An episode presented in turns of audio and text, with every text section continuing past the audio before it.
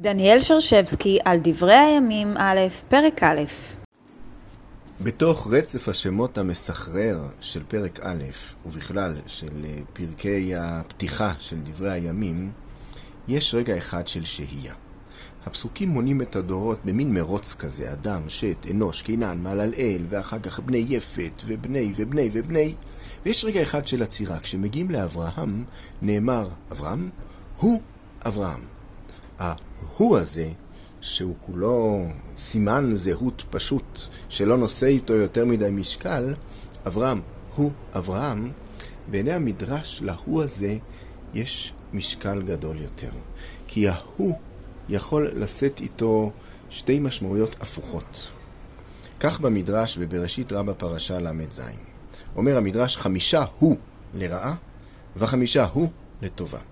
ואז המדרש נותן דוגמאות. חמישה הוא לרעה, הוא היה גיבור ציד, הוא עשו אבי אדום, הוא דתן ואבירם, הוא המלך אחז, הוא אחשורוש, כל אלו פסוקים במקרא.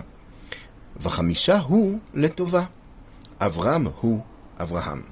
הוא משה ואהרון, הוא אהרון ומשה, שניהם בספר שמות.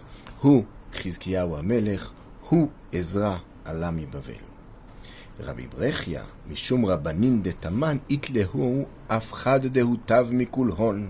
כן, לחכמים יש עוד אחד שהוא טוב מכולם, בתהילים קופי, הוא השם אלוהינו, שמידת רחמיו לעולם. זה המדרש.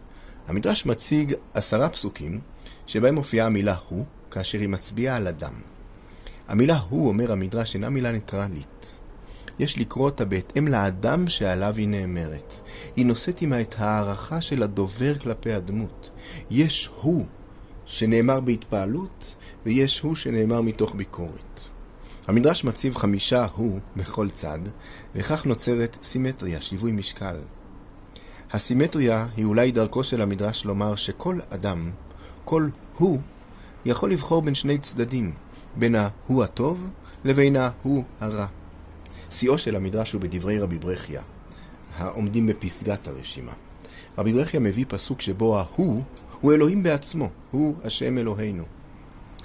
כעת נפרס ההוא לכל אורכו. האדם יכול לבחור להידמות, להידמות להוא הנשגב ביותר, או להוא השפל ביותר.